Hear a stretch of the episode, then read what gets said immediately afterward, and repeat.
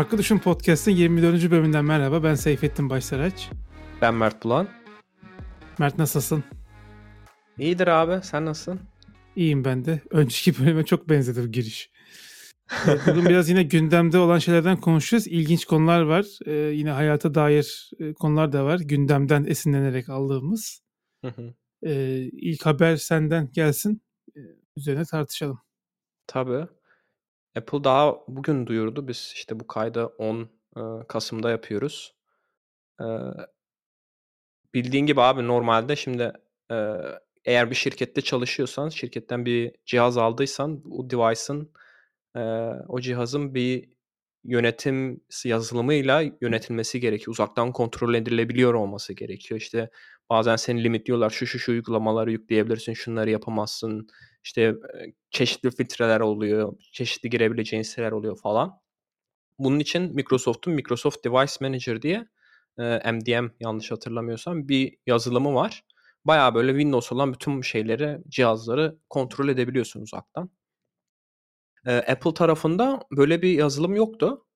Üçüncü parti yazılımlar vardı tabii. İşte eğer MacBook veriyorsan ya da iPhone veriyorsan, iPad falan veriyorsan çalışanlarına bu üçüncü parti yazılımlarla o, o cihazları kullanabiliyordun. Bugün Apple Apple Business Essential diye kendi Microsoft Device Manager'a benzeyen kendi servisini duyurdu. Burada ben şeyi artık anlamaya başlıyorum.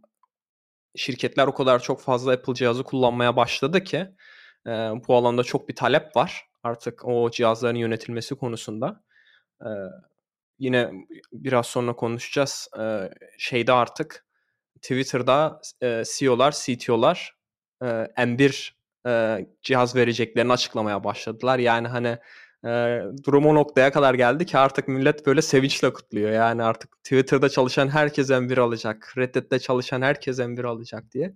Böyle bir benefit oldu yani hani o şirkete girerken önceden şeydi mesela MacBook veriyor musunuz gibisinden şeyler vardı ya da işte ne, ne tarz benefitler var diye sorduğunda şimdi artık M1 o listeye girdi. M1 makine veriyoruz biz çalışanlara diye. Apple'da muhtemelen bunu görmüş olması gerek ki böyle bir Apple Business Essential diye bir servis duyurdu.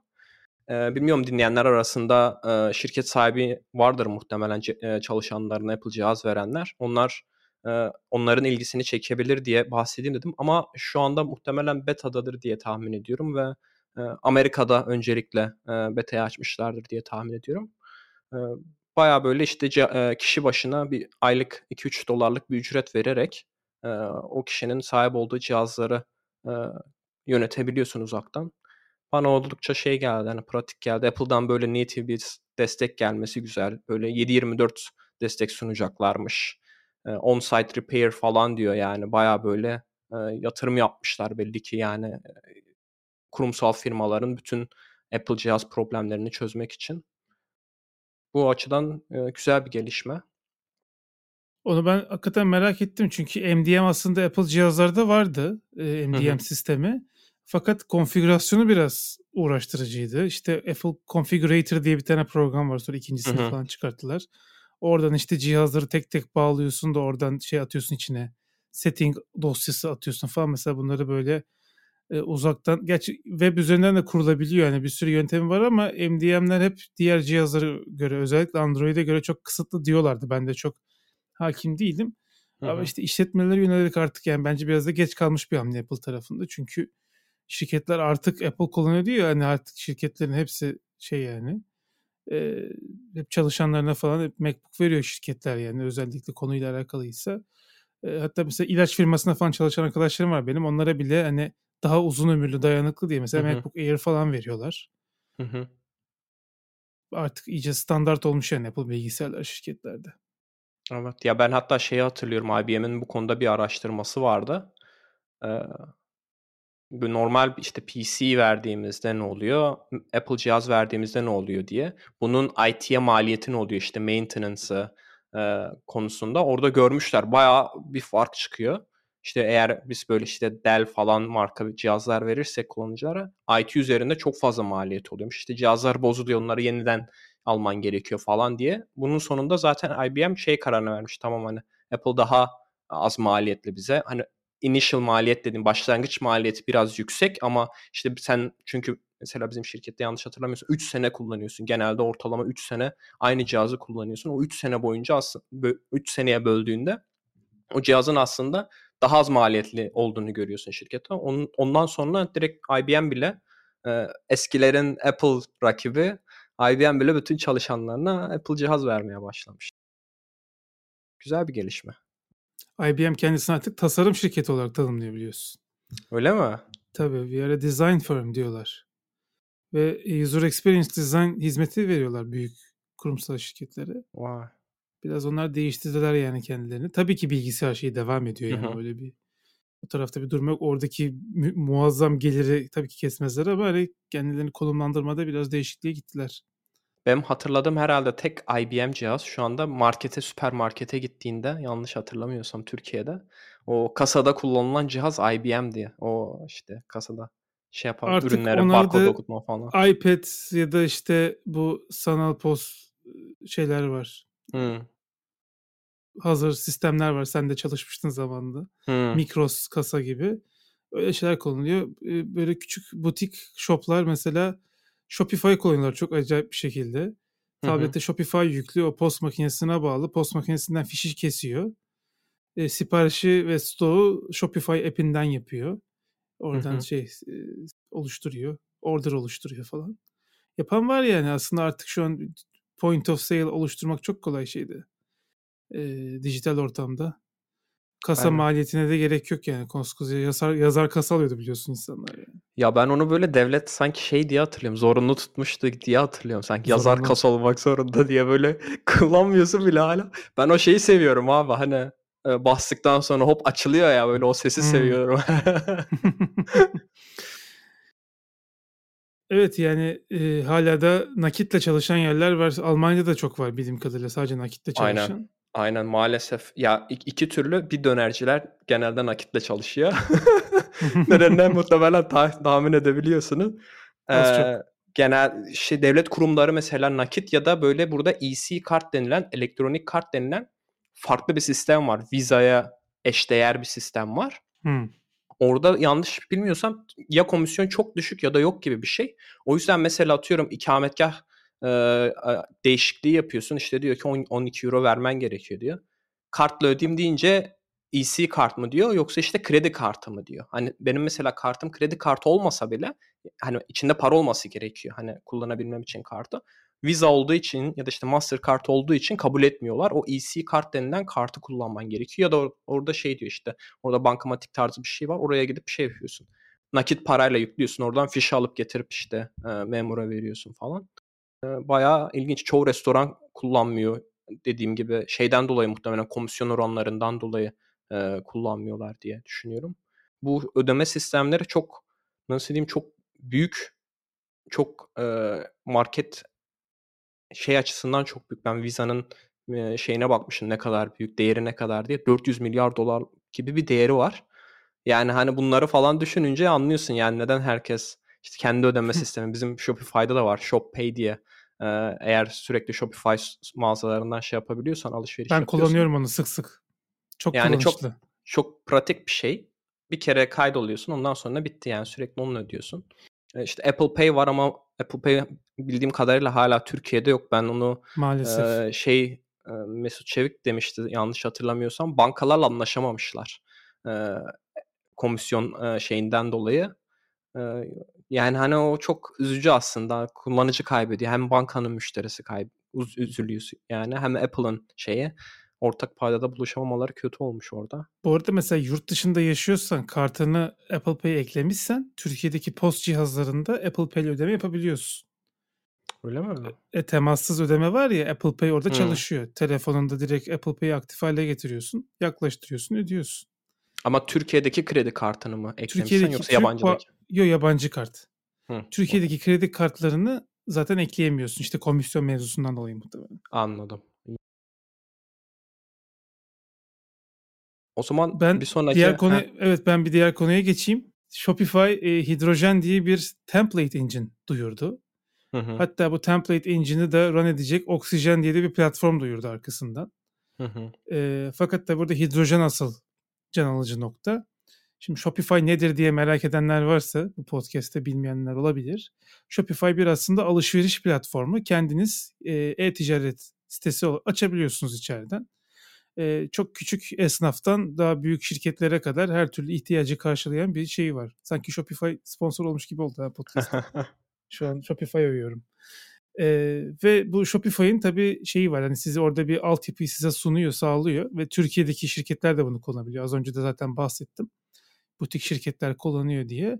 E, bütün işte ürünleri ekleme, indirim yapma, kargo maliyeti belirleme, işte kupon verme, kampanya yapma hepsi var yani. Ve tabii sitenizde bir ön yüz lazım. Bu ön yüzü de e, Shopify temaları vasıtasıyla yapıyorsunuz. E, işte 250 dolara satılan temalar da var. Bedava temalar da var. 40-50 dolara da var. O aldığınız temalara göre o temaları özelleştirebiliyorsunuz. İşte fontlarını değiştiriyorsunuz, yazıları, section'ları değiştirebiliyorsunuz. Her temanın kendi tarzı var.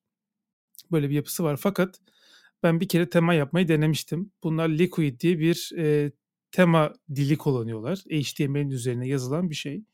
Bu Ruby zamanlarından geliyor e, Shopify'ın. Tabii bu şimdi modern frontend şeylerine pek uygun bir şey değil. Çünkü Liquid'de gerçekten birçok şeyi ezbere bilmeniz gerekiyor. Bu da çok ciddi bir uzmanlık alanı istiyor. O yüzden tema yazmak hakikaten böyle haftalarca oturup Liquid'i iyice öğrenmenizi gerektiren bir süreçte başlıyor. Bu da yani e, birçok insanı tema yapmaktan alıkoyan bir şeydi. Fakat tabii burada güzel de bir fırsat var. E, tema yapan şirketler ve ajanslar var. Gerçekten mesela özellikle büyük şirket şirket mesela büyüyor, küçük başlıyor Shopify'da altyapıyı değiştirmek istemiyor. Bu büyük ajanslara gidiyorlar işte Shopify ajanslarına. Onlara özel mesela tema yapıyor bu ajanslar. Liquid bildikleri için.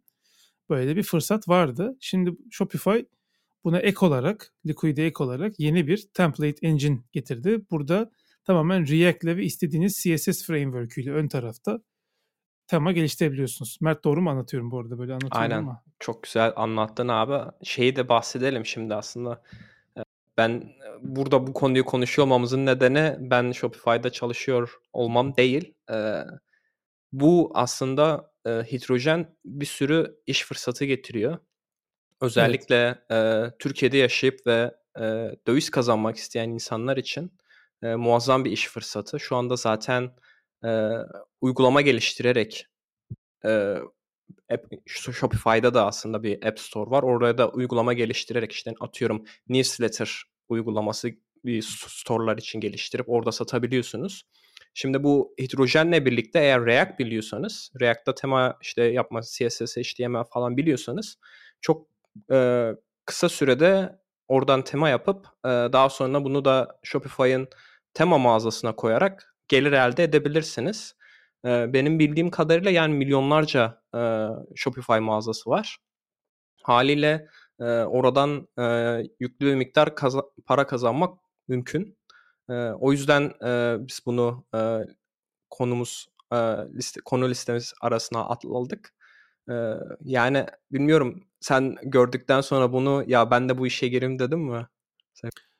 Yani şu an co-founder olmasam ve iş yüküm deli gibi bir iş yüküm olmasa evet ben de ciddi ciddi düşünüyordum çünkü burada artık tamamen aslında server mantığından oradaki o logikten koparak sadece ön yüz yazıyorsun. Hatta mesela işte add to cart butonu mesela onun içinde bir fonksiyon var sonuçta sepete ekle butonunda. O butonu sana Shopify veriyor. Sen sadece sitelemesini yapıyorsun. Rengini, şeklini falan değiştiriyorsun. Sonra onu komponent olarak koyuyorsun ve hani e, kullanıcı o temayı kullanırken tıkladığında Shopify'in bütün standart sepete ekle sistemleri otomatik olarak geliyor. Orada ekstra bir iş yapmana gerek yok. Yani tasarımına güvenen, ön yüz kodlamasına güvenen herkesin mutlaka bir tema yapmayı denemesini tavsiye ederim. Burada çok e, yazılımcı dostu bir e, dokümantasyonu ve şeyi var. E, sistemi var. Bayağı övdük ya sistemi. Ee, Para ben, mesela... ben ekstra. Bonus versinler bana. Sponsorluk e, alabiliriz yani Shopify'dan. o kadar övdük ki. Neyse e, bu şeyi çok iyi yani. Frontend geliştirici için güzel bir fırsat. O yüzden onu söylemek istedim. Yani en azından birilerine yardımcı olabilirsek ne hala. Tabii mağaza açmak, bir şeyler satmak isteyenlere de yine Shopify'ı öneririm. Ben eşim mağazası için denedim. Müthiş çalışıyor konuda da yani zaten yılların tecrübesi Shopify. Çok kullanıcı dostu. Bir de Türkiye'de gerçekten yani şirketiniz varsa Izuku gibi bir ödeme sisteminden aldığınız bir token'ı Shopify'a girdiğinizde bütün ödeme sisteminiz, banka hesaplarınız hepsi otomatik bağlanıyor. Baya güzel yani. Hı hı. Senin övmen güzel oldu çünkü hani sen kullanıcı olarak övüyorsun. Ben orada çalışan olduğum için aslında hani çalıştığım departman da aslında hiç alakası yok bu e, bizim core sistem dediğimiz e, asıl Shopify'ın tarafıyla. Ben farklı bir departmanda çalışıyorum. İyi oldu yani hani bunu böyle bir kullanan birinden dinlemek. Evet, beğendiğim için övdüm zaten yani yoksa sen çalıştığın için değil. evet, devam edebiliriz konulara. Tabii. Ya bugün şeymiş, ben bugün gördüm e, M1 işlemcinin doğum günüymüş. E, ne kadar doğru? Nice senelere diyelim mi? Aynen. Şey, tekrardan kontrol etmedim ama hatırlıyorum Apple aslında bu zamanlarda şey yapmıştı. E, geçen sene ilk MacBook Air ve e, 13 inç MacBook Pro duyurmuştu M1 işlemcili. Aynen kesinlikle nice seneler diyelim. Devamını bekliyoruz. E, M1 işlemcilerin. Ben devam anlamı demedim de hani M1 işlemcinin 6-7 yıl eskimemesi için söyledim. Yani uzun seneler. ha doğru. Ben direkt şeyi beklediğim için abi şimdi M2 işlemci çıksın. Benim şu anda e, planımı artık şey olarak değiştirdi. Bir şirket bize e, M1 işlemcili MacBook vereceğini söyledi. E, orada muhtemelen çok yüksek donanımlı bir MacBook gelecek diye tahmin ediyorum. O yüzden kendi kişisel kullanım için böyle çok daha hafif bir MacBook almak istiyorum. Hem ağırlık olarak hafif hem de ücret babında e, hafif bir MacBook almak istiyorum. O yüzden şu sıralarda da duydum yani MacBook önümüzdeki yıl belki ilk ya da ikinci çeyrekte MacBook Air duyurulabilir diye yeni tasarımıyla birlikte M2 işlemciyle birlikte diye. Ben onu beklemeye başladım. Bir acelesi yok e, şu anda. Ama yani şu anki ilk hedefim abi olabildiğince en kısa sürede elimde olan e, Intel işlemcili MacBook'ları satmak. Yani bunlar muhtemelen iki sene sonra falan hiçbir şekilde para edeceğini düşünmüyorum. Ben hani insanlar farkına vardıklarında M1 işlemcinin. Ve artık kimse şey yapmayacak yani. E, ikinci el bile e, Intel işlemcili MacBook almayacak ya da fiyatlar inanılmaz düşecek diye tahmin ediyorum. O yüzden e, dinleyenler arasında varsa bence e, yatırım tavsiyesi değildir onu söyleyeyim. Aynen. onu da diyelim de. Ya yani ben ne yaptığımı söylüyorum. E, nedenini de söylüyorum. Size de mantıklı geliyorsa yapmakta fayda var diye tahmin ediyorum. Evet şu an M1 MacBook Air Pro ihtiyacı olmayan insanlar için alınabilecek en iyi bilgisayar. Ee, onu söyleyeyim. Yani ben de e, yeni bir bilgisayar alacak olsam Pro'lar yerine M1 Air'ı tercih ederdim. Tabii bir sonraki jenerasyonda 3 nanometre proses kullanacaklar falan diyorlar ki 3 nanometre artık şey yani elektrik elektronik mühendisliği okurken üniversitede microprocessor hocamız vardı. Bu AMD'de falan çalışmıştı birisiydi yani. Almanya'da. Evet evet microprocessor konusunda bayağı e, işte paper'lar olan birisi. O mesela 9 mı 9 nanometrenin altına inmek fiziki olarak mümkün değil falan diyordu o zaman yani. Hmm. Bu söylediğim herhalde bir 14-15 sene önce falan. Ee, işte demek ki mümkünmüş. Üçe indiler yani. Aynen. Yani çok çok acayip bir şey yani. Ya oradaki ben şeyi çok seviyorum aslında bu rekabete. Ee, biz zaten öyle Intel'in çöküşü diye bölümde yapmıştık. Ben açıkçası e, hiçbir şeyim yok yani beklentim yok Intel'in tekrar çıkış yapacağı konusunda. Artık yani bir de bu nasıl diyeyim M1 standart belirledi yani artık insanlar şeyi konuşur oldu. Sadece işte ya bak bu performansı çok daha iyi diye mesela yanlış hatırlamıyorsam bir, birkaç hafta önce Intel kendi yeni işlemcilerini duyurdu. Birkaçı bildiğim kadarıyla M1'den daha performanslı ama insanlar artık ayıkta şeye bakmıyor yani sadece performansa bakmıyorlar. İşte performans per watt'a bakıyorlar. Ben mesela işte Mesut Çevik'in şey testini seyrettim. M1 işlemcisi e, incelemesini seyrettim. Orada mesela çok güzel bir şey yapıyor abi. E, normal işte bir e, notebook koyuyor. Bir de M1 işlemcili MacBook'u koyuyor.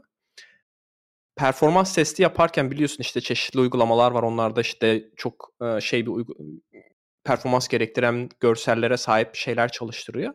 Orada bir şey yapıyor abi. MacBook'un MacBook'u şarj aletinden çıkartıyor.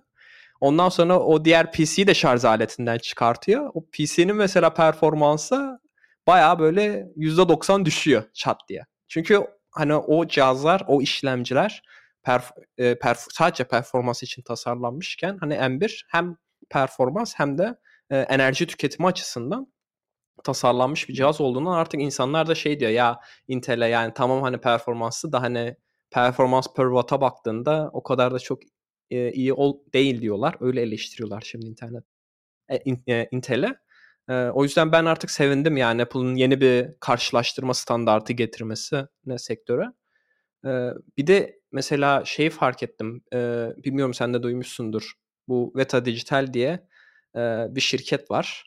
E, sen muhtemelen daha iyi biliyorsundur. E, e, Peter Jackson'ın e, Yüzüklerin Efendisi'nin hem yapımcısı hem yönetmeni e, olan abimizin kurucularından ol, olduğu, kurucusu olduğu bir şirket. E, bu Veta Digital Unity tarafından satın alındı. E, biz daha önceki bölümlerde yanlış hatırlamıyorsam Koray Brandt'la olan bölümümüzde Unreal Engine'den çok söz etmiştik. E, işte bu Metaverse'ü muhtemelen Unreal Engine'den yaratacaklar. İşte bu Mandalorian dizisini Unreal Engine kullanılarak yaratıyorlar. Sadece çok böyle dev bir e, ekran önünde. E, bu da aslında Unity'nin bir nevi Unreal Engine'e karşı cevabı gibi oldu diye düşünüyorum. Veta Digital'i aldılar. E, Veta Digital ne yapıyor? İşte görsel efekt yapıyor. Yüzüklerin Efendisi'nde mesela Gollum'u tamamen Veta Digital'in e, yarattığı e, söyleniyor. Aslında sadece söylenmiyor. Bayağı şeyde görebiliyorsun böyle green screen e, videolara, backstage videolarını YouTube'dan izleyip şey yapabiliyorsun. Ondan sonra işte Avatar, Avengers serisi, Iron Man yani aklınıza gelebilecek hani bir sürü görsel efekt kullanılan e, film bu Veta Dijital tarafından yaratılmış. Şimdi bunu Unity satın alıyor. Bu da bence şu demek e, önümüzdeki senelerde işte bu Unity kullanan oyunlarda inanılmaz bir e, grafik görsel kalite artışı göreceğiz. Film seviyesinde e, görseller göreceğiz diye tahmin ediyorum. Bu da tabii gene Metaverse tartışmasını getiriyor. Çünkü şeye baktığında Microsoft'un Metaverse şey evrenine baktığında, Facebook'un evrenine baktığında hep böyle nasıl diyeyim böyle çok e, çocuklar için yapılmış oyunmuş gibi gözüküyor. Yani hala böyle gerçeklik konusunda sana bir şey sunmuyor. E, o yüzden yani hani iş ortamı diye öyle bir ortama girmek bilmiyorum çok garip geliyor bana yani. Bugün şeyi de okumuştum ben bahsediyoruz sürekli Ben Thompson'ı. O da Metaverse ve Microsoft diye bir tane yeni bir yazı yazmış. O da ben de şaşırdım. O da benzer şeyi söylemiş benle. Benim söylediğim gibi. Microsoft'un aslında bu alanda önde olduğunu, business bağlantıları olduğu için ve bu gözlüklerin de aslında ilk başta şirketler tarafından çalın, çalışanlara verileceğini söylüyor. Yani kimse gidip de o kadar parayı tabii yani gamerlar gene e, bir şekilde alır da çok fazla gamer yoktur diye tahmin ediyorum o kadar parayı verebilecek. O yüzden şirketler satın alacak. Ee, şirketler satın aldıktan sonra çalışanlar ne verecek? Çalışanlar kullanacak. Çalışanlar diyecek ki aa bak bu iyiymiş bir tane de ben kendim alayım kişisel kullanım için diyecek. Bu şekilde yaygınlaşacak. Orada da şey örneğini veriyordu. İlk PC çıktığında da benzer şekilde olmuş. Yani kimse e, gidip de bilgisayar almamış. Önce şirkette kullanmaya başlamışlar. İşte muhtemelen Excel, Excel kullanmışlar orada. Ondan sonra aa bak bu faydalıymış. Bundan bir tane de eve alayım mantığıyla e, PC yayılmış ben Thompson işte onu, onu diyordu. bu VR gözlüklerinin de benzer şekilde önce şirketlerin çalışanlara vermesiyle yaygınlaşacağını bahsediyordu yazısında. Bilmiyorum sen ne düşünüyorsun bu Veta Dijital e, satın alımı ile ilgili? Ya bu efekt firmalarına çok ciddi bir ilgi var. Bu Legendary Pictures'ı da Tencent galiba ya da bir salam firması mıydı Çin'de? ikisinden biri Çin'in öyle bir vizyonu varmış. Devlet büyük şirketlere, holdinglere özellikle batıda böyle büyük teknoloji şirketleri işte efekt şirketleri vesaire satın almasını emretmiş. O yüzden de mesela işte o Çinli salam firmasıydı sanırım şeyin sahibi. Harry Potter'ı falan efektini yapan bu Legendary Pictures'ın sahibi. Hmm. Böyle firmaları alıyorlar. Bu efekt işinde bayağı bir zaten şey var. Hatta yani bugüne kadar Veta Digital'ın satılmamış olması da bir ilginç. Ki çok iyi bir paraya gidiyor şu an Unity'ye. Ee, belki daha daha da önceden daha küçükken çok daha e, kolay alınabilirdi. Yani bekleyip göreceğiz ya. Ben bu Metaverse olan e, yorumlarımı bir önceki bölümde söylemiştim. Tekrarlamış hı hı. olmayayım onları. Eee, ben çok gerçekleşmesini istemiyorum Metaverse olayının ama gerçekleşecek. Eee, bu Gulyabani'nin olduğu Türk filminde diyor ya, eee, "Korkmuyorum ama geliyor." diye. Ama şey açısından ne düşünüyorsun peki oyunlara gelmesin? Yani, hani, işte, o Avatar evreninin mesela oyunlara gelmesi. Eee, mesela ben geçen bununla ilgili bir yazı okudum. Yani, eee, zaten oyun dünyasında bir metaverse var. Adı Minecraft diye birisi öyle bir Hımm. yazı yazmış. Gördün mü onu?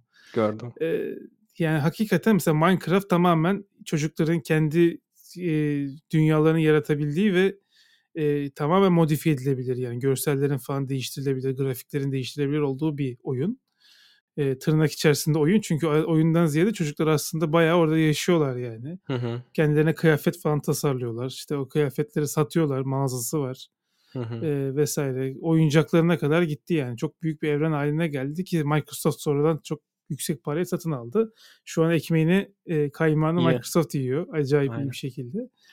Ya da oyunlarda zaten bu tarz böyle büyük immersive dünya yaratma olayı var. Ha, bunu tabii VR'la içine sokarlarsa ya da AR'la işte Pokemon Go'da mesela. Pokemon Go'nun, eee, yapımcısı olan Niantic firması, eee, onlar da mesela şey yapıyorlar, eee, bu konuda ciddi yatırım mı almışlar? Bir büyük bir harcama yapacaklar. Çünkü onlar bayağı 1-0 önde başladılar yani. Normal standart hı. telefonlara AR'lı bir Pokemon oyunu hı. yaptılar. Orada gelecek görüyorlar.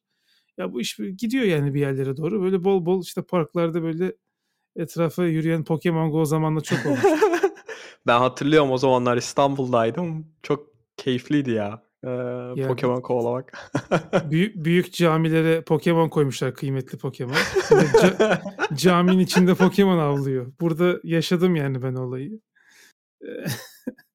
Eee, çok acayip, Ama güzel bir uyarlamasıydı değil mi? Yani aslında bir nevi orada şeyi görüyorsun abi değil mi? Eee, AR vs. VR karşılaştırmasını yani VR'da sen evdesin, tek başınasın, çevrende kimse yok, eee, gözlüğü takıyorsun, oturuyorsun.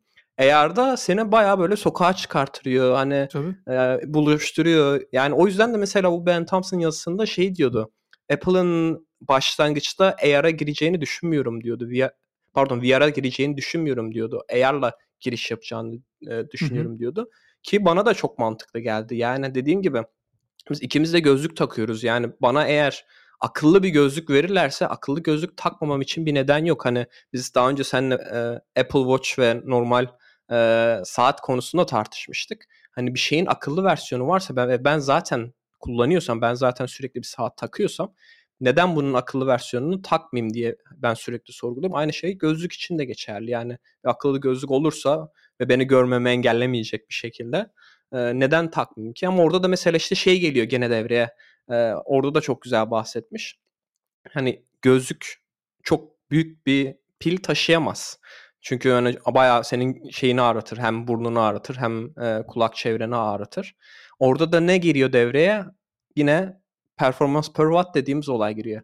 Yani Apple'ın aslında M1 işlemcilerini yapmasının nedeni belki sadece MacBook değil, hani belki de şu anda bir gözlük üzerinde çalışıyorlar ve gözlüğün aslında seni limitlediği nokta performans per watt oluyor. Çünkü senin çok yüksek bir işlemciye gerek iş iş ihtiyacın var. Eee, bu her iki göze de çünkü şu anki sen bahsetmiştin yanlış hatırlamıyorsam. Yani Quest'in sunduğu çözünürlük çok kötü bir çözünürlük senin gözün için.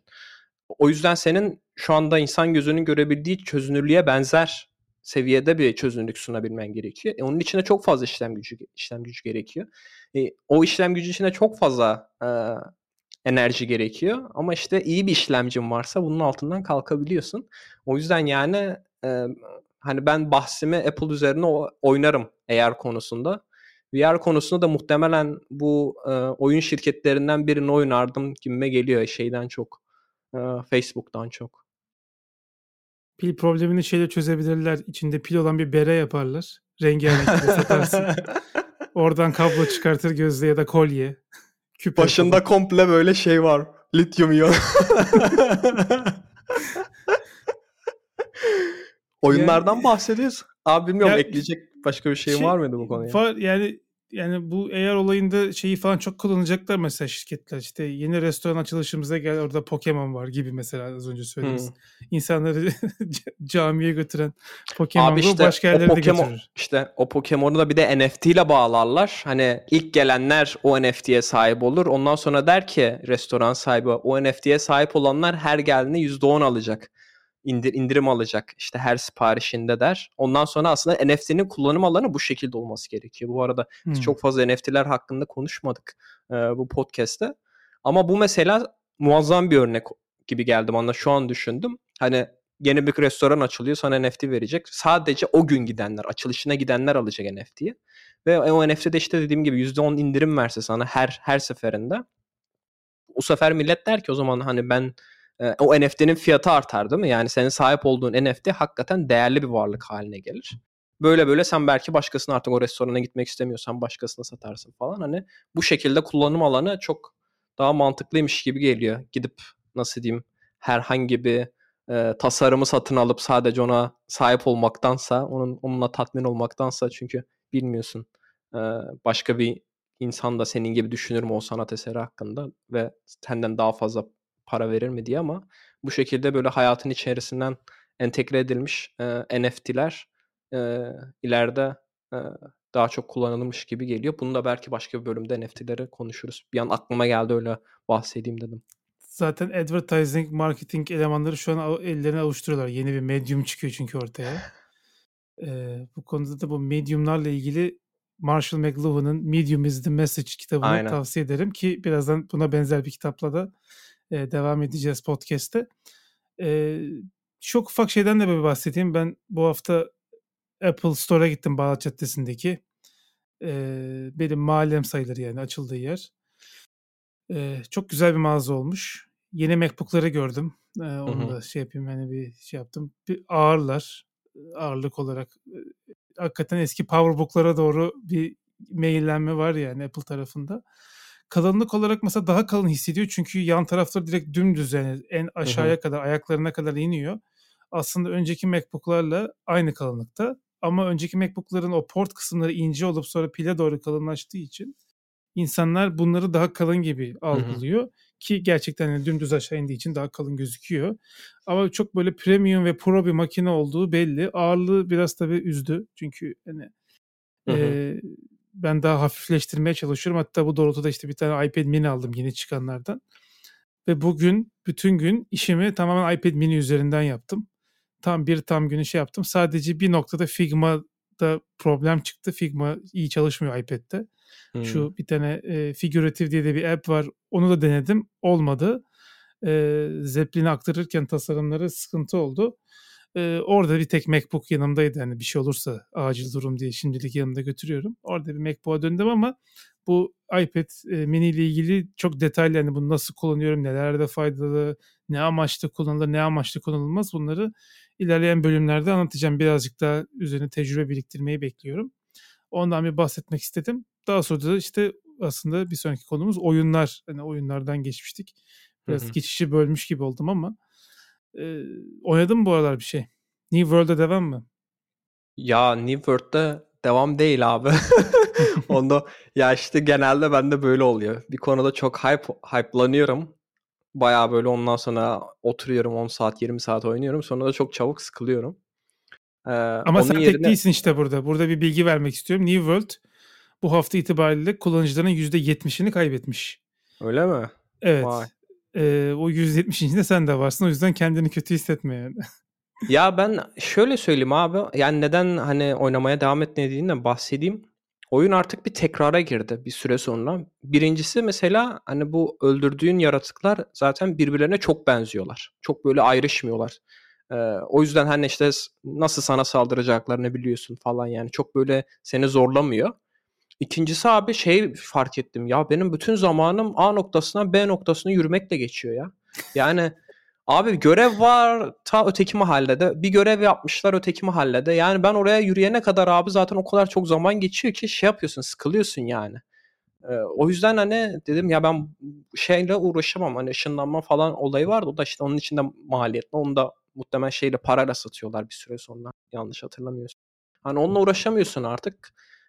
Bir süre sonra artık şey yapıyorsun yani sıkılıyorsun. Görev var yapmak istiyorsun ama oraya gidene kadar yani yolda şey yapıyorsun. O yüzden şey yapmadım çok fazla oynamadım geçtiğimiz haftalarda. Onun yerine eee 3-4 arkadaşla biz Borderlands 3 oynamaya başladık. Çok Eee, güzel. o çok, eee, keyifliydi. Eee, ben çok uzun zaman olmuş böyle birkaç kişiyle, eee, aynı anda, eee, oturup oyun oynamayalı. Eee, bilmiyorum senin de vardır muhtemelen öyle oynadığın oyunlar. Arada Var. bahsediyorsun bana. Eee, artık şey yaptık, böyle sözleştik pazar günleri, eee, akşam vakti 3-4 arkadaşla oturup Borderlands oynuyoruz. Eee, oyun anlamında çok güzel, çok keyifli. Ben ama hep kendimi şeyde buluyorum ya, yerde silah varmış, dur ben bunu alayım, gidip şeyde vending machine'de satarım, tekrardan para biriktiririm diye aklım sürekli Looter. oraya gidiyor. Tam belli tipi. Ama böyle şey güzel ya, eee, bayağı keyifli bir oyun olmuş. Bilmiyorum, eee, sen neler oynuyordun bu sıralar?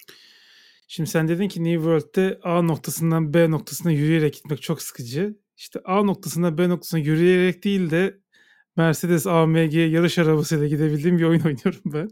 For Forza Horizon 5 der, gel, yani bir, bir buçuk saat falan oynadım yani toplamda çıktığından beri. Zaten dün çıktı. Eee, Game Pass'te var. Eee, yani ben normalde yarış oyunu çok sevmem. En son oynadığım yarış oyunu Gran Turismo 4'tü. O da PlayStation 2'de olan bir oyun. Eee, onu bayağı oynamıştım ama yani. Çünkü başka oyun yoktu oynayacak. Hı hı. Eskiden böyle tıklayayım tuşa da hemen oyun insin başlayayım oynayayım diye bir şey yoktu. Eee, aylarca bekliyorduk bir oyun için. Eee, Forza ile ilgili şöyle bir güzel yorum var. Bence çok güzel özetlemiş. Forza bir yarış oyunu değil, Forza bir driving yani sürüş oyunu. Eee, Birçok insan yarış yapmayı sevmez ama araba sürmeyi sever. Eee, o yüzden de hani Forza aslında herkese hitap eden bir araba oyunu. Gerçekten de öyle bir oyun. Eee, yine açık alan, açık dünyada oynuyorsun. Meksika'da geçiyor oyun. Ve eee, arabanla işte farklı görevlere gidiyorsun. Ve bu görevler hep böyle mesela ben bir tane yaptım. Bir tane kızın dedesinin Vosvos arabası varmış. Volkswagen eski. Meğerse Meksika'da Vosvos hayranlığı varmış. Çok büyük Vosvos komünitesi varmış. Eee, o adamın işte Vo- Vosvos'unu bulmaya çalışıyorsun adamın çiftliğinde. Eee, gidiyorsun işte buluyorsun. Sonra işte o Vosvos'u bir kamyona yüklüyorsun. Kamyonu kullanıyorsun sonra. Wow. Evet o kamyonu kullanıyorsun işte. Mesela şehire getiriyorsun. Sonra işte şehirde indiriyorsun. Kız diyor ki ben bu Vosvos'u paslanmış falan çünkü e, lastikleri patlamış. Yani ben bu Vosvos'u a- e, adam edeceğim, düzelteceğim. Sonra ben tekrar sana haber vereceğim diyor. Mesela biraz oynadıktan sonra kız seni tekrardan çağırıyor bak. Tamir ettim geldi. Sonra Vosvos'a falan biniyorsun. Hı hı. Ee, işte her e, görev bitirdikçe yeni arabalar açılıyor e, ve o arabaları istediğin gibi kullanabiliyorsun. Modifikasyon çok fazla var. Her şeyini değiştirebiliyorsun arabaları falan. Hakikaten araba tutkunları için zaten müthiş bir oyun ama hiç arabayla alakası olmayan birinin gibi. Mesela ben çok arabaya meraklı bir insan değilim gerçek hayatta da. Bilmem yani çok fazla markama da. O yüzden Mercedes AMG dedim yani. Muhtemelen Mercedes hayranları kızıyordur o öyle değil falan diye. Ee, çok güzel bir oyun. Ee, hakikaten keyifle. Benim eşim de oynadı yani sabahleyin ona da açtık. Ee, Hı hı. o da oynadı. Arkadaşlarınla falan da oynayabiliyorsun. Hı hı. Fakat oyunun asıl güzel tarafı grafikleri. Grafiksel olarak oyun aşırı gerçekçi. Ee, özellikle 30 FPS modunda Xbox'ta böyle yani e, manzaralar müthiş. Bir ormana giriyorsun. Bitki örtüsü falan acayip canlı. Ve e, çok takdir edilisi bir yapısı var. Biraz uzun konuştum Forza ile ilgili biliyorum ama Hı hı. gerçekten bir yazılımcı olarak da benim çok ilgimi çeken bir şey. Şimdi bu oyun bir önceki nesil Xbox'lara da çıktı. Yeni nesile de çıktı. Eski nesilde de tabii çok daha güçsüz aletler oldukları için hani buna nasıl uyarlayacaklar diye herkes merak ediyordu. Ee, adamlar bütün e, grafikleri katman layer layer tasarlamışlar.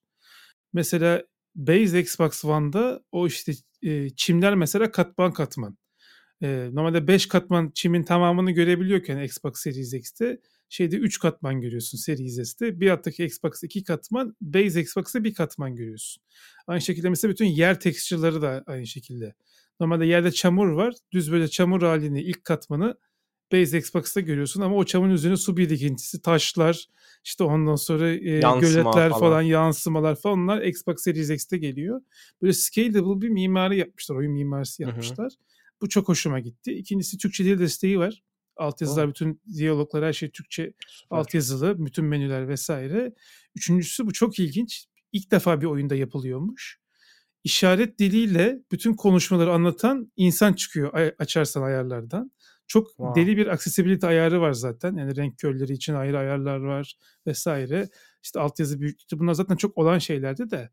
Ee, sağ alt köşede bayağı işaret diliyle çünkü bazı insanlar disleksikler insanlar vesaire ya da işte e, işaret dili bilen insanlar e, o alt yazıları okurken sıkıntı çekiyorlarmış. Çünkü o alt yazıda duyguyu vermek zor olduğu için işaret diliyle mesela o duyguyu alabiliyormuş insanlar. Daha efektif oluyormuş yani. E, görme konusunda sıkıntısı olan insanlar. E, onu ilk defa bir oyunda denemişler mesela. Benim e, çok hoşuma gitti. E, böyle ciddi bir emek harcandığı belli oyuna. Çok da büyük bir oyun ve hani böyle bug'ları falan da olmayan bir oyun. E, bayağı başarılı bir release oldu. Microsoft ne, adına da. Ne kadar oyunun fiyatı? Ee, Steam fiyatı galiba 300 lira mı? 300, 300 lira galiba Steam fiyatı. Türkiye fiyatı 300 lira 400 lira olması lazım. Ee, ama zaten Game Pass'te var. Yani hani 30 TL'ye oynayabildiğin için. O süpermiş. Game Pass'in içinde var. PC'de biraz şeymiş antivirüs programı falan varsa bazen oyun açılmıyormuş falan öyle problemler Hı-hı. varmış. Ben bakayım o zaman ya. Çünkü ben de patchlerler haftaya. Ben de öyle çok araba meraklısı değilim ama zamanında Need for Speed Underground 2 oynamışlığımız var. He. Most Wanted oynamışlığımız var. yani o şeyleri hakikaten e, zevkle oynuyorsun yani e, zamanında oynamıştım. E, muhtemelen ben Forza'yı aslında şöyle oynamayı planlıyordum. Logitech'in çok güzel bir e, direksiyon seti var. Hı-hı. Zaten şey diye aratsan e, Logitech'in o direksiyon seti çıkıyor. E, ben onu alıp onunla birlikte böyle güzel de bir ekran kartı da alırım dedim. Ondan sonra Forza'nın full çözünürlükte, full ayarlarda, ultra ayarlarda öyle e, televizyonda 4K televizyonda karşısına geçip böyle hakikaten e, o şey sürüyormuş gibi, aracı sürüyormuş gibi. İşte bak burada gene ben e, VR gözlüğüne getiriyorum. Hani VR gözlüğünde oynasam muhtemelen hakikaten gerçek bir arabadaymışsın gibi olur eğer o direksiyon e, şeyi de alırsan Logitech'in. Öyle bir planım vardı ama işte ekran kartı fiyatları uçtu falan o yüzden bir türlü şey yapamadım. Belki e, şey denerim e, bu Game Pass'te. Yani o Game Pass hakikaten biz daha önce de övmüştük. Yani dediğin gibi 400 liralık oyunu şimdi 30 liraya alıp e, bir ay oynayabilirsin ki bilmiyorum bir ayda da bitirirsin herhalde oyunu. Bir ayda bitiremezsin. Zaten sürekli içerik ekleniyor. Aa, e, hatta süpermiş. işte Hot Wheels'la falan paket çıkartıyor. Mesela Hot Wheels arabaları geliyor. Sonra atıyorum işte Porsche ile anlaşıyorlar. Porsche'nin klasik ki var şu an oyunda da. Hani 1950-60'ların Porsche serisi geliyor. Bütün bunlar işte böyle premium pack var bir tane alırsan onların hepsi işte içinde geliyor ama almazsan böyle ayrı ayrı paket olarak alabiliyorsun. Yeni questler, yeni haritalar yani oyun biraz böyle platform gibi e, devam ediyor. Sürekli güncelleme alıyor çünkü bir yerden sonra aynı görevleri yapmak insanı sıkar yani. Hı hı. E, yani belki base oyunu bitirirsin de bir ayda. Hı hı. Sonrasını bilmiyorum. Bir de her zaman tabii daha hızlı olabilirsin, daha iyi olabilirsin vesaire. Bir de şey oyun e, Meksika'da geçtiği için ben Meksika'da böyle yerler mi varmış dedim. Muhtemelen ileride bir Türkiye versiyonu yaparlarsa Forza'nın birçok insanı şaşırtacağına eminim. Çünkü yani böyle hakikaten güzel jungle'lar var. Bir de doğal olaylar oluyor oyunun içerisinde. Mesela kum fırtınası çıkıyor, kum fırtınasının içine falan giriyorsun. Ee, çok güzel bir sunum var oyunun. İlk 10 dakikasında her şeyi gösteriyor sana. Bayağı hoş. Hı hı. Ee, Elektrikli arabalar var mı? Yani. Elektrikli, Elektrikli arabalar, var mı? Var var. Aa, süper. Tesla falan de, var mı? Tesla'yı görmedim. Ford'un elektrikli arabaları var. Ford'un kamyonetleri var. Ford Bronco veriyor zaten oyunun başında sana. Çok çok e, etkileyiciydi yani. Bir sonraki konuya geçelim. Bir sonraki konumuz bir kitap aslında. Şu an listeden gidiyorum sıradan da. Şimdi biz ben herhalde bu podcast'in ilk bölümünden falan beri herhalde Neil Postman, Neil Postman diye söylüyorum sürekli. Başımın Neil etini yiyorsun Neil Postman diye. evet ama yani ben de okurken çok etkileniyorum Neil Postman'ın fikirlerinden. Hatta diyorum ki ya bu kadar etkilenmemem lazım bu fikirlerden. Çünkü şey hani bu da sonuçta bir bakış açısı olaylara. Biraz aslında muhafazakar bir bakış açısı. Adamın dindar olduğunu mesela anlıyorsundur yazılımlarından. Hı hı. Ee, gerçekten öyle bir adam bu arada gerçekten. Videoları falan da var YouTube'da bakabilirsin. Ee, yani e, burada dindar olduğu için etkilenmek gibi bir şey değil yani. Sadece tek bir bakış açısı olduğu için olaylara. Hı hı. E, fakat gerçekten benim fikirlerimle inanılmaz örtüşen yazıları var adamın. Kitapları var. E, bunlardan bir tanesini daha önceden bahsetmiştik. Amusing Ourselves to Death Televizyon Öldüren Eğlence diye çevirmişler Türkçe'ye. Hı hı. E, o da çok iyi kitabını tavsiye ederim ama sen Teknopoli'ye başladın. Hı hı. Peki Teknopoli kitabı ile ilgili senin düşüncelerini alalım. Ya ben şöyle söyleyeyim abi. Şimdi ben daha önce okuduğum birkaç işte Project Hail Mary vardı onu bitirdim. Ondan sonra baktım sen gene sürekli bahsediyorsun bahsediyorsun. Ee, benim uzun zamandır da okuma listemde. Dedim artık dedim alayım da okuyayım. Okumaya başladım abi. Zaten kitap yani e, Sokrates'in bir e, sohbetiyle başlıyor. Sokrates'te sohbetinde işte Mısır'daki bir yanlış hatırlamıyorum işte kraldan söz ediyor. Oradaki kralın teknolojiyle ilgili yorumlarından bahsediyor. Ya zaten ben bunu okudum ilk 2-3 sayfa ya dedim. Abi yani bir hani şu an o tabii o, o zamanki gününü eleştiriyor. Ee, ama yani bizimki şu anki günümüze de uyarlanabilir. Ama bunu eleştirirken bundan 2000 yıl önceki belki daha fazla yıl önceki çünkü işte Mısır kralının falan örnek veriyor. Çok önceki şeyden örnek vererek yapıyor. Aslında burada şeyi görüyorsun. Yani aslında bizim bugün yaşadığımız problemler yeni problemler değil. Yani bundan binlerce yıl önce de olan problemler. O beni baya anında yani kitap içine çekti. Yani orada Sokrates'ten bahsetmesi işte şey yapması. Ondan sonra zaten Freud'dan bahsediyor falan böyle. Yani ben baya baya e, kitabın içerisine daldım. Orada çok basit şeyler söylüyor. Ben şey de söyleyeyim yani daha ilk chapter'ını okudum. O yüzden dedim ya dedim abi bunu kesin bahsedelim. Muhtemelen ben ikinci chapter'ı bitireceğim. Tekrar konuşacağız. Üçüncü chapter'ı bitireceğim. Tekrar konuşacağız. Çünkü e, muazzam nasıl diyeyim tasvirler, muazzam e, tanımlar var yani teknolojiyle ilgili. Mesela işte şey diyor, teknoloji diyor aslında bir ekolojidir diyor. E, şey değildir diyor. Mesela işte Amerika var diyor, sen daha sonra bilgisayarı icat ediyorsun diyor.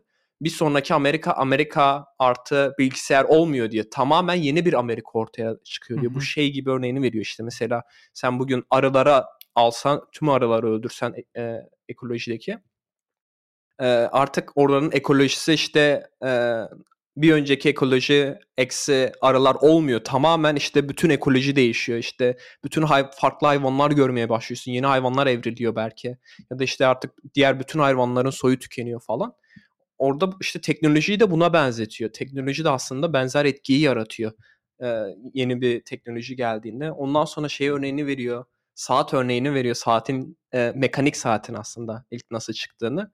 Orada şey diyor aslında diyor mekanik saatin çıkmasının nedeni e, işte bu kilisede bu işte ibadet zamanlarını doğru bir şekilde takip edebilmek için çıkmış bir şey diyor. Ama diyor bunu e, insanlar işte çalışma saatini takip edebilmek için kullanmaya başladılar. Aslında hani icadın çıkış noktası farklı. E, daha sonra işte çalışmak için çalışma saatini takip için kullanıyorlar. Bu da ne oluyor? İşte sen daha fazla çalışmaya başlıyorsun. İşte saatinin takip ediliyor.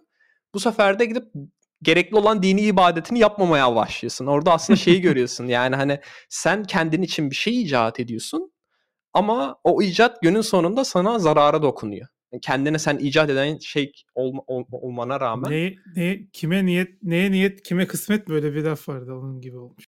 Aynen. Yani orada işte şeyden bahsediyor orada yani her bir teknolojik icatın hem faydası hem de zararı vardır diyor. Yani hiç o da çok güzel bir şekilde diyor. Yani ben orada genelde kendisi şeyini savunuyor.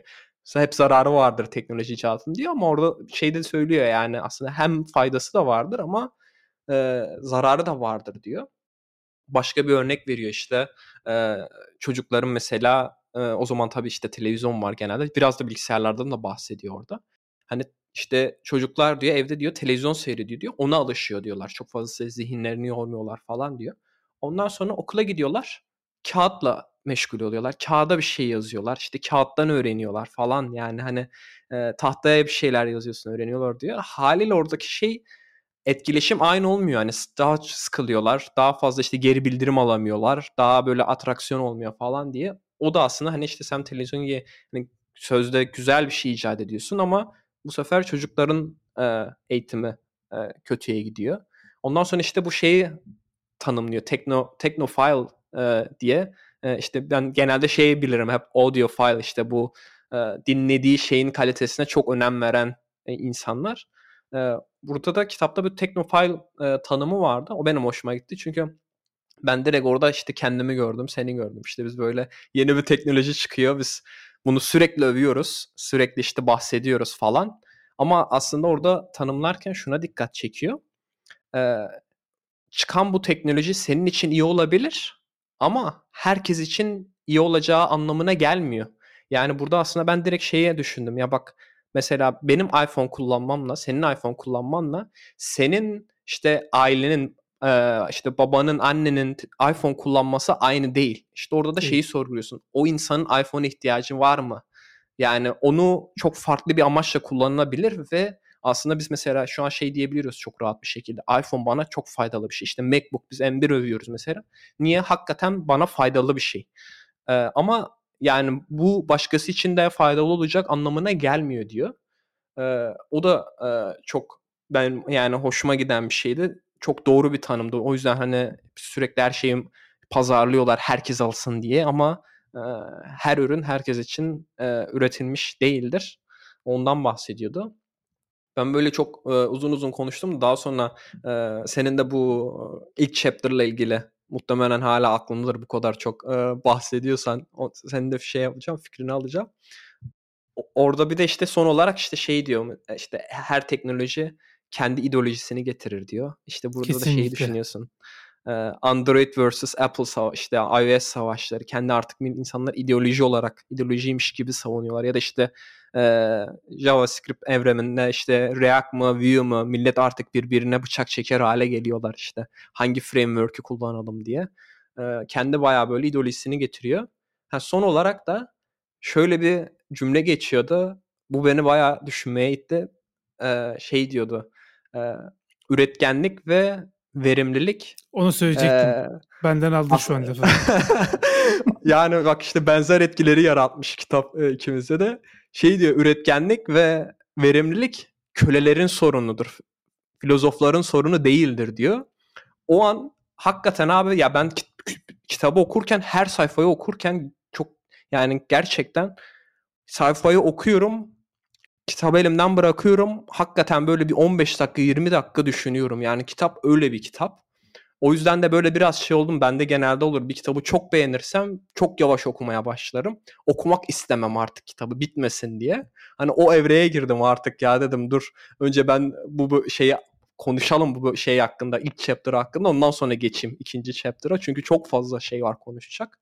Ama işte bu şeyi sözlüde okuyunca hakikaten hak verdim yani üretkenlik ve verimlilik kölelerin problemidir. Filozofların değil dediğinde baya baya böyle 5-10 dakika düşündüm. Dinleyici arkadaşlar Mert'in heyecanını hissediyor musun sesinden? Ben görüntüsünü gördüğüm için buradan çok net hissediyorum. Gerçekten bu tarz kitaplar çünkü biz olaylara daha düz bakıyoruz. Ee, bütün bu işte dünya düzeni vesaire de onun da etkisi var daha sığ bakıyoruz. Bize söylenen şeyleri hemen doğruymuş gibi kabul ediyoruz. Gerçekten böyle bir durum var. Bu tarz kitaplar biraz kafa açıcı kitaplar. Ee, insanın dediğin gibi ben de işte yine Postman'ı çok yavaş okurum. Hı hı. Çünkü sürekli düşünmeye itiyor seni. Kendini uyarlamaya çalışıyorsun ve çok mantıklı buluyorsun. Bir de adam altını doldurarak anlatıyor yani sen böylesin falan demiyor işte diyor. Tarihte böyle olmuştu işte o yüzden böyle gelmişti falan diye. Çok ciddi araştırmacı bir adam e, bu işte verimlilik ve üretkenlik yani productivity and efficiency e, filozofların problemi değildir. işçilerin ve kölelerin problemidir. İşte piramitleri yapanların problemidir vesaire gibi bir şey hı hı. var. E, laf var ki o mesela beni çok şey yapmıştı. Gerçekten fikir üreten, e, şeyler üreten insanların bu kadar üretkenlik ve verimlilik üzerine kafa yormaması lazım.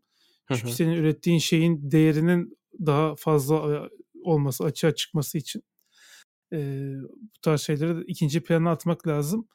E, yani Teknopoli'nin ben de bu arada hepsini okumadım. Dediğin gibi sen senin dediğin gibi yavaş iki ya da üç chapter bitirdim. Şeyi bitirdim. Amusing to Death'i baştan sona bitirdim. Onda da mesela ben e, sadece ön sözünü okudum o kitabın. Sonra bir saat falan evin içinde yürüyerek düşünmüşüm yani. Benim böyle düşünme seanslarım vardır evin içinde. Herkes uyuduktan sonra evin içinde böyle deli gibi gezerim yani. Hatta şöyle bir şey de var. Kendi kendime bir konuyu seçip İngilizce anlatıyorum. Benim böyle bir şeyim var. Hatta annem ben işte daha gençken yani gençken dedim yaşlı değilim şu anda. Ee, annem beni görmüş de evde böyle gecenin ikisinde böyle evin içinde kendi kendime konuştuk. Bu demiş çocuk herhalde sıyırdı kafayı. Ama bir, bu bana bir konuşma antrenmanı sağlıyor aslında. Ee, yani hem topluluk önünde konuşma konusunda da bana bir şey veriyor. Bir de hani bir aslında konu üzerine nasıl düşünüyorum, nasıl yaklaşıyorum oralarda aslında bana şey veriyor. Biz mesela bu podcastleri öncesinden işte hazırlık yaparak falan yapmıyoruz. Ee, sadece sabahleyin konuyu belirliyoruz. Ondan sonra podcast'in kaydında konuşmaya başlıyoruz. Bilmiyorum ne kadar belli oluyor da yani. Belki de belli oluyordur çok. Ama e, mesela bunlar hep aslında önden işte belli konular üzerine kafa yorduğumuz için aslında ortaya çıkan şey. Mesela Metaverse hakkında bir fikrimiz oluyor yani. Çünkü daha önceden düşünmüşüz bunu. Bunu da söylemekte fayda var. E, ben Neil Postman'ı herkese tavsiye ediyorum. E, çok bu arada basit değil yazı, yazısı. Bilmiyorum çevirileri falan nasıl onu hiç bilmiyorum. İngilizcesinden okuyorum ben. E, burada bir sahafta bütün kitaplarını buldum Neil Postman'ın. Vay. Ee, bu arada yani bitecek diye üzülme. Neil Postman'ın bayağı bir kitabı var. Öyle mi? Ee, evet. Ee, mesela Disappearance of Childhood diye bir şey var. Çocukluğun kaybolması. Evet. Artık çocukluk diye bir şey yok diyor yani. Ee, biz diyor çok adult içerikleri bir çocuklara gösteriyoruz çok küçük yaştan diyor. Ki çok doğru yani. Bugün bugün çocuklara YouTube verilmesi gibi bir problem var ve adam bunu 1970'lerde bir problem olarak yazmış yani. Hı hı. Bu buraya doğru gidiyoruz diye. İşte düşünen adamın hali bir başka oluyor ne diyeyim yani. Ya ben şimdi sen işte o tekrardan sözü düşününce o şey de aklıma geldi. Orada şeyden bahsediyordu kitapta. Ee, antik Yunan'da işte biz sürekli bahsediyoruz işte Sokrates diyoruz, Platon diyoruz, Aristo diyoruz hani böyle. Hala o insanların fikirlerini konuşuyoruz. Orada mesela şey diyordu. O işte bizim hani en parlak zaman olarak gösterdiğimiz zamanda diyor aslında e, neredeyse hiç bir teknolojik ürün icat edilmemiştir diyor. O anda da gene böyle şeyi düşündüm ya biz belki de yanlış yapıyoruz. Şu anda hani üretkenliğimizi arttırarak, verimliliğimizi arttırarak, sürekli bir şeyler üreterek yani hani fiziksel anlamda teknolojik bir şeyler üreterek belki bir şeyleri yanlış yapıyoruz. Belki de hani sadece fikirler üreterek de e, daha böyle nasıl diyeyim e, faydalı şeyler e, üretebiliyoruz gibi geldi. E, o örneği duyunca. Bir de sen şimdi şey yaptın. Topluluk önünde konuşmadan bahsettin. Ben hemen notumu aldım. Bununla ilgili de güzel bir bölüm kaydederiz. Ben bu topluluk önünde e, konuşma da benim bayağı zamanında okuma yaptığım e, hı hı. ve e, üzerine çok düşündüğüm bir konu. Çok kolay bir şey değil. Herkes anlayabiliyorum yani. E, ama bende artık şey olmuştu. Tabii bunun artık benim için iki aşaması oldu. E, ilki böyle hani Türkçe olarak topluluk önünde konuşma. E, sahnede konuşma e, ve daha sonra da İngilizce olarak bunu yapabilme.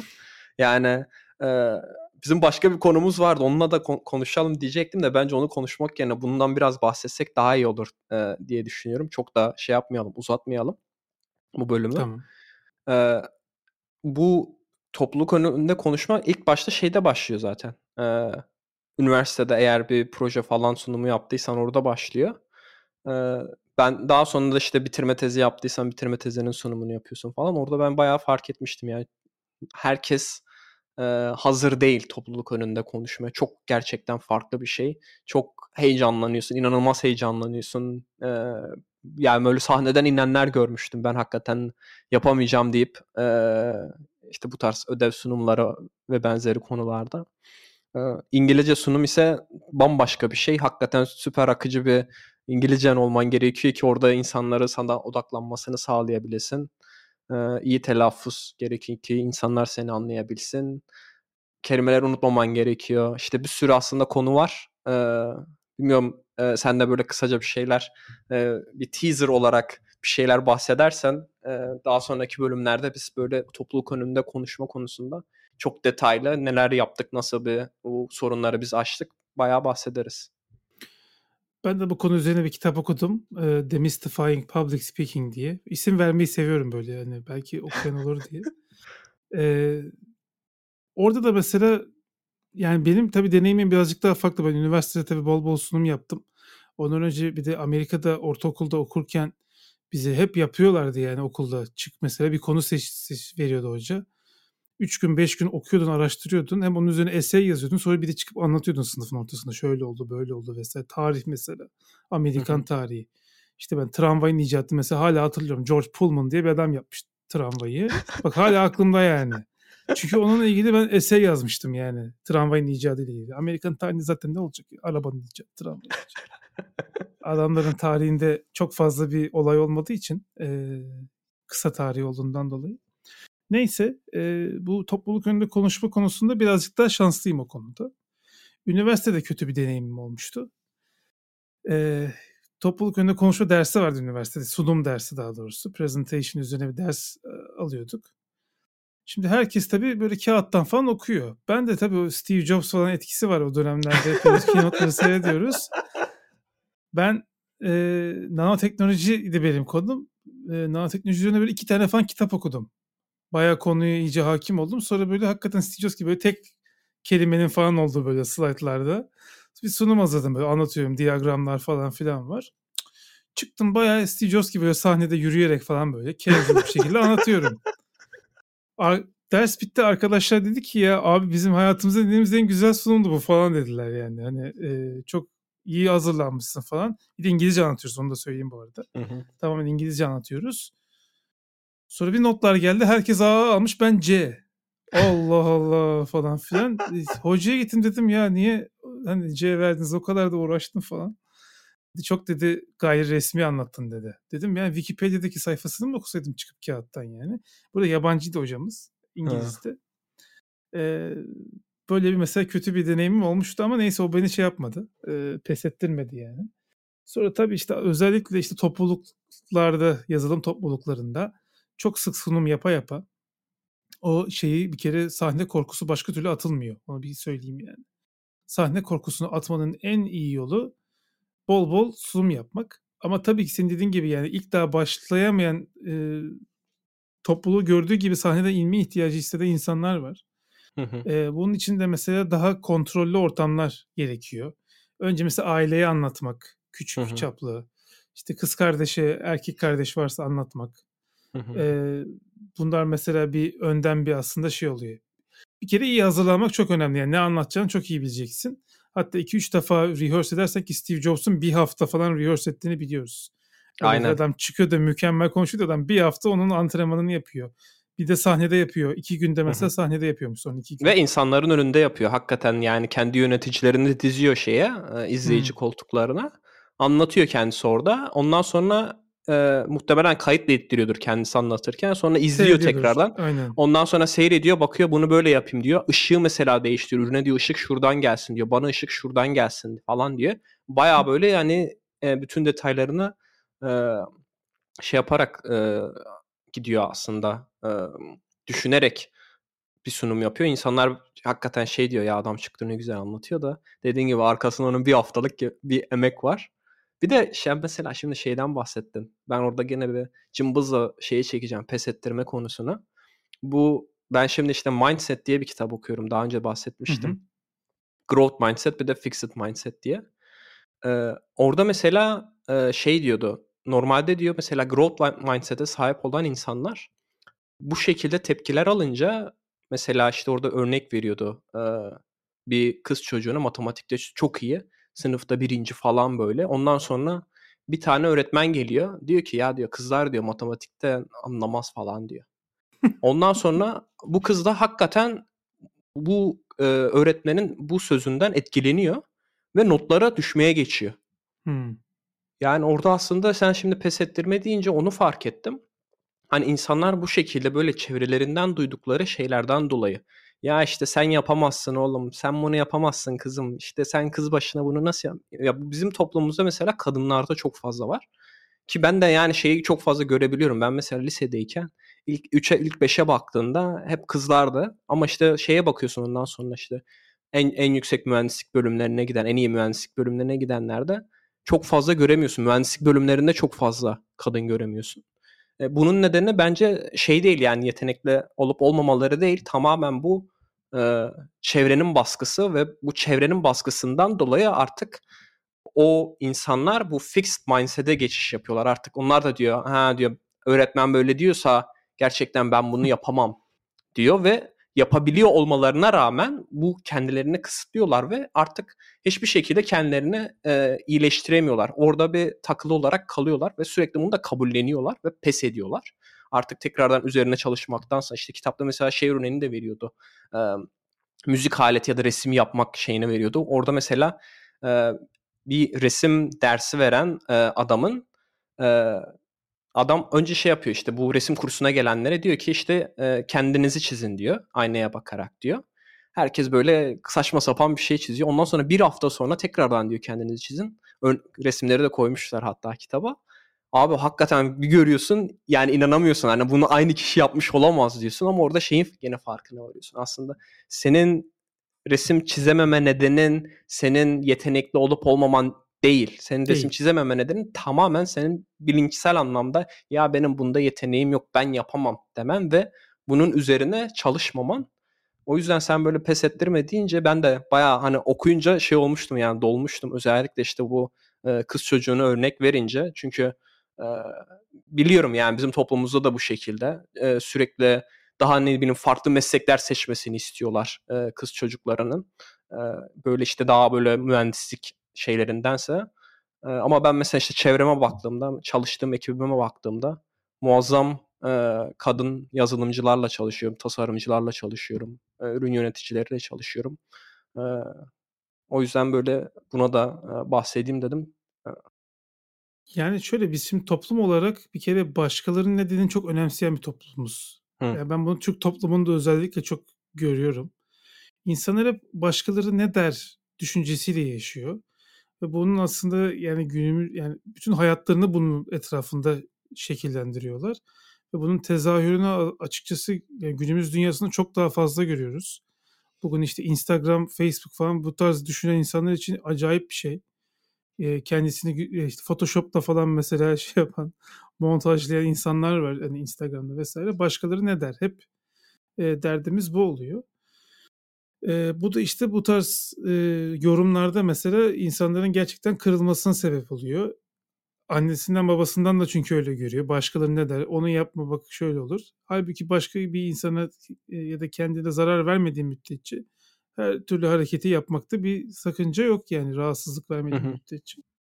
Ee, yani başkası ne düşünürse düşünsün. Mesela benim hakkımda da yani birisi atıyorum işte negatif bir yorum yapabiliyor. Oluyor yani arada. Ama insan kendini bildiği müddetçe yani ne derse desin mesela bana bir, birisi kötü yazılımcısın dese ben nerede kötü olduğumu, nerede iyi olduğumu biliyorum yazılımda az çok. Ee, o yüzden hani çok da etkilememesi lazım ama biz çok etkileniyoruz millet olarak. Ee, bilmiyorum yabancı toplumlarda böyle mi? Ben çok görmüyorum yabancı toplumlarda böyle şeyler. Ya açıkçası hani ben kendi çevremden söylersem hiç hiç sanmıyorum yani onların böyle bir şeyin sonunda ve zaten yaşadıkları hayattan görebiliyorsun. İşte normalde hani bizde olur ya kız başına sen nereye gidiyorsun derken ben bakıyorum yani çevremdeki e, kadınlara işte başka şeyi master'ını başka ülkede yapıyor, işte doktorasını başka ülkede yapıyor, geziyor, tozuyor, istediği gibi tatilini yapıyor tek başına falan.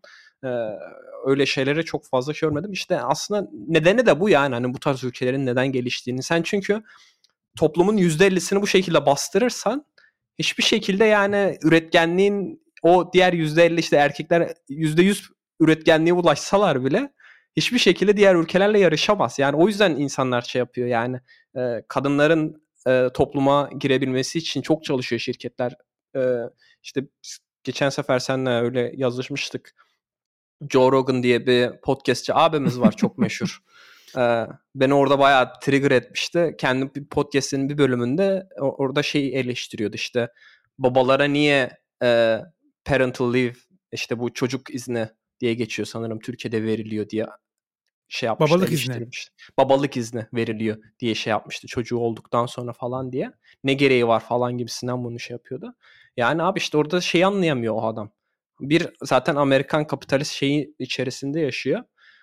Avrupa'ya baktığında özellikle mesela İskandinav ülkelerine Almanya'da da öyle. Bu işte parental leave dediğimiz çocuk iznini hem anne hem baba kullanabiliyorlar. Yani işte atıyorum bir yıllık bir izinse diyorlar ki 6 ay 6 ay biz tam çocuk doğduktan sonra kullanılabilirim diyor. Orada mesela şeyi anlayamıyorlar yani e, sen tabii orada hani annenin izin almasının nedeni hani çocuğu dünyaya getirmesi. O bir sürü işte biyolojik şeyden yorgunluktan çıkması. Ama işte orada şeyi düşünemiyorlar. Ya tamam o annenin hakikaten izine ihtiyacı var da annenin de bir şekilde dinlenerek e, bir kendisini hani izne ihtiyacı var. Yani hala işte şeyi bekliyorlar. O çocuğu doğurdu ondan sonra gidip bir de ona bakacak. O ondan dolayı izin alsın ama baba çalışmaya devam etsin diye. Hani orada aslında babanın izin almasının nedeni hani e, annenin daha rahat bir şekilde işleri hani işleri hiç iş görmemesi aslında ev işlerini babanın görmesi konusu. E, gene işte bu gene bastırma konusuna denk geliyor. O yüzden e, ben bayağı trigger olmuştum o şeyinden. E, niye dinliyor insanlar da açıkçası çok anlamıyorum Joe Rogan'ı. Ona da böyle şey yapmış olayım, e, değinmiş olayım. Tamam ben burada Joe Rogan'ı savunmayayım o zaman. Sen, Sen Joe Rogan'ı savundun diye sonra kavga ederiz. ya orada biraz küçük şirketler için söyledi Joe Rogan. Büyük corporationlar için söylemedi yani. Ama Amerikan kapitalizm açı, bakış açısıyla baktığı kesin zaten.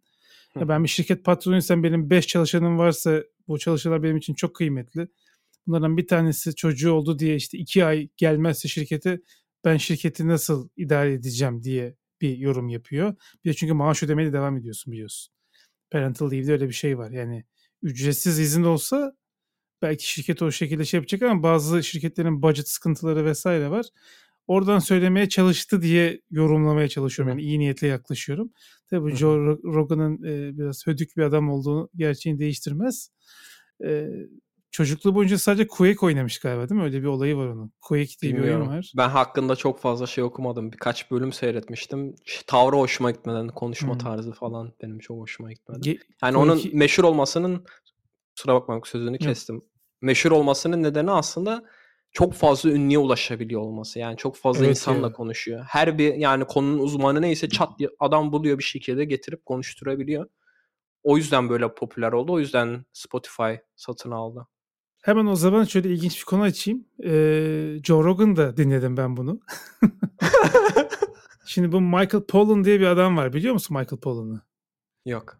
Ben kitapçıda gezerken bu adamın e, How to Change Your Mind, işte Effects of Psychedelics on Your Brain diye bir kitabı vardı bu adamın. Şimdi deyince kafanda birazcık daha Aynen çünkü o kitap listemde. ha, evet. Çok merak ediyorum ben de o kitabı. Alıp almama konusunda biraz tereddütte kalmıştım. Bu Michael Pollan da sonra görünce bu adam Netflix'te Cooks diye bir belgesel var. Dört bölümlük işte ateş, su, hava diye böyle pişirmenin dört yöntemi için dört bölümlük bir mini dizisi var. Yemek pişirme konusunda meraklı bir abi. O böyle bir kitap yazmış. Ee, Michael Pollan'ı ararken Joe Rogan çünkü şöyle bir şey var abi YouTube'da herhangi bir e, yazarı ya da ünlü birisine ya da birisi yani iyi bir yazılımcı mesela John Carmack mesela Hı-hı. arıyorsun ve yani ilk üç result'ta Joe, e, Joe Rogan'ın podcast'inde bir videosu çıkıyor adamın. Öyle bir Joe Rogan etkisi var yani. Neyse Michael Pollan'ı dinlerken e, o şeyi anlatıyor. E, kafeinin de sonuçta kafein de bir drug ya aslında bir e, madde yani uyarıcı bir madde ve aslında bağımlılık yapan da bir şey. E, bunu nasıl anlıyorsunuz? Kahve içmediğiniz gün nasıl olduğunuzu bir düşünün, aklınıza getirin. Vücut nasıl istiyor yani. E, oradan zaten anlayabilirsin. Bu adam kafeini 3 aylığına bırakmış abi bu kitap için. 3 e, ay hiç kafein, kafein ürün tüketmiş. Sadece nane çayı içmiş abi. Normal çay bile içmiyor. Yeşil çay yok. Hiçbir şey yok. Adam mesela nasıl bir de, süreçten geçti ve 3 ayın sonunda içtiği ilk kahvede ne hissetti? Çünkü şöyle bir şey var şimdi uzun süre bir bıraktıktan sonra tekrar geri dönünce vücudun ona tepkisi her gün içtiğinde aynı olmuyor. Hı hı. Ee, ve e, yani inanılmaz. O yüzden mesela ben hakikaten şeyi düşündüm yani 2021'in sonuna doğru Aralık'ta falan kafein tamamen bir kesip böyle bir ay bir buçuk ay onun bir efektlerini bir denesem mi acaba diye. Çünkü onu bir görmek istiyorum yani hakikaten merak ettim. Ee, adam ilk bir ay felaket geçti diyor yani. İlk bir ay aptala döndüm. Hiçbir şekilde hiçbir şey yazamaz oldum. Odaklanamaz oldum. 5 dakikadan fazla bir şey bakamaz oldum. Böyle bir etkisi olmuş yani. Bir ayın sonunda diyor artık hani vücut alıştı, oturdu. Ama sürekli e, bir bahane uyduruyormuş. Mesela diyormuş ki işte bugün bu kitapçı değil de şu kitapçı gidin çünkü içinde bir hani kahve dükkanı varmış kitapçının. hani olabildiğince beyin böyle planı yaparken hep böyle kahveye yakın olabilecek yerlerde planlamaya çalışıyormuş. E, niyeti oraya gidiyormuş.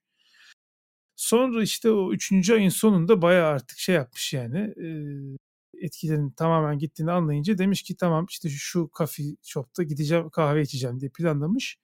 Sabah gitmiş kahveyi içmiş ve diyor ki yani hani e, çok kuvvetli saykedelik e, uyuşturucular işte mantar, LSD vesaire neyse onlardan daha büyük bir etkisi oldu diyor vücuduma.